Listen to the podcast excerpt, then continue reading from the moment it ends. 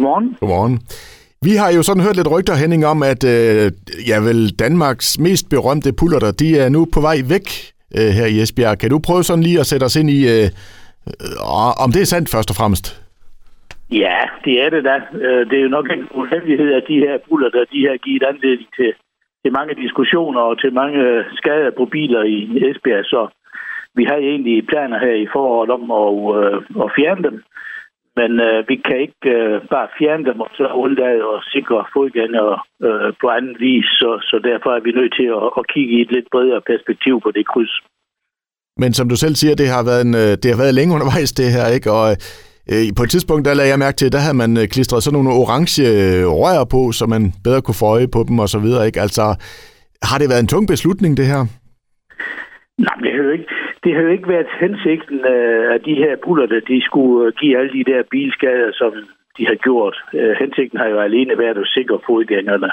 Øh, så, så det har der gjort, det har der gjort indtryk, alle de henvendelser, vi har fået omkring øh, skader på biler, fordi man har været i berøring. Men det er jo ganske, ganske dyrt, når man skraber bilsiden. Det, det kan let koste både 50 og 50.000 og mere. Så, så nu, skal vi have de her buller der væk, og, øh, og den måde, vi kan gøre det på, det er, at vi simpelthen laver et øh, udviklingsforslag til at bygge hele krydset om, øh, så pullerne kommer væk, og vi får sikret fodgængere på anden vis.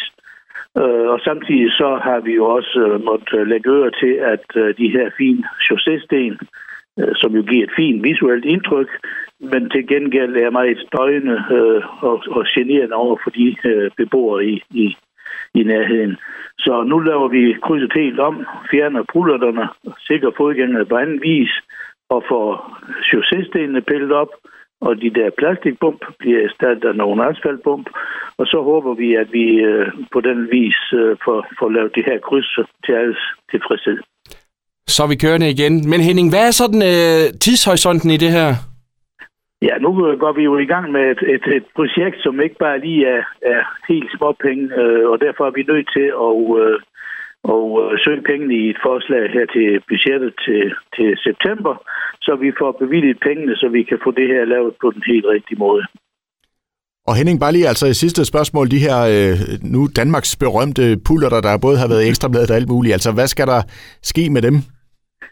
Ja, pullerne skal vi sgu nok finde anvendelse for et andet sted, hvis det er det, det kommer an på. Og chausséstenen har vi også andre projekter, vi kan bruge dem til, hvor de ikke øh, kommer til at ligge på en måde, så, så de generer øh, omboende med larm, men man gør gavn på anden vis. Så, så det skal vi nok finde ud af. Ja, Ingen det, problem i det. Det er bare fordi, jeg har et forslag. Altså, de kunne jo egentlig godt komme på uh, kunstmuseum, ikke? Altså, de, de er Danmarks berømte, og de har efterhånden fået en del farver fra, fra lakken på bilerne, så de er ret kunstneriske at se på efterhånden. Ja, jeg har godt nok øh, set, når jeg er forbi det ned, at, øh, at de har lidt forskellige farver. Men, men, men ikke nogen farver, ligesom min bil. det er godt, det var heldigt. Hen, Henning, tusind tak, fordi du ville gøre os klogere på det her, og en rigtig, rigtig god dag til dig. Ja, velbekomme.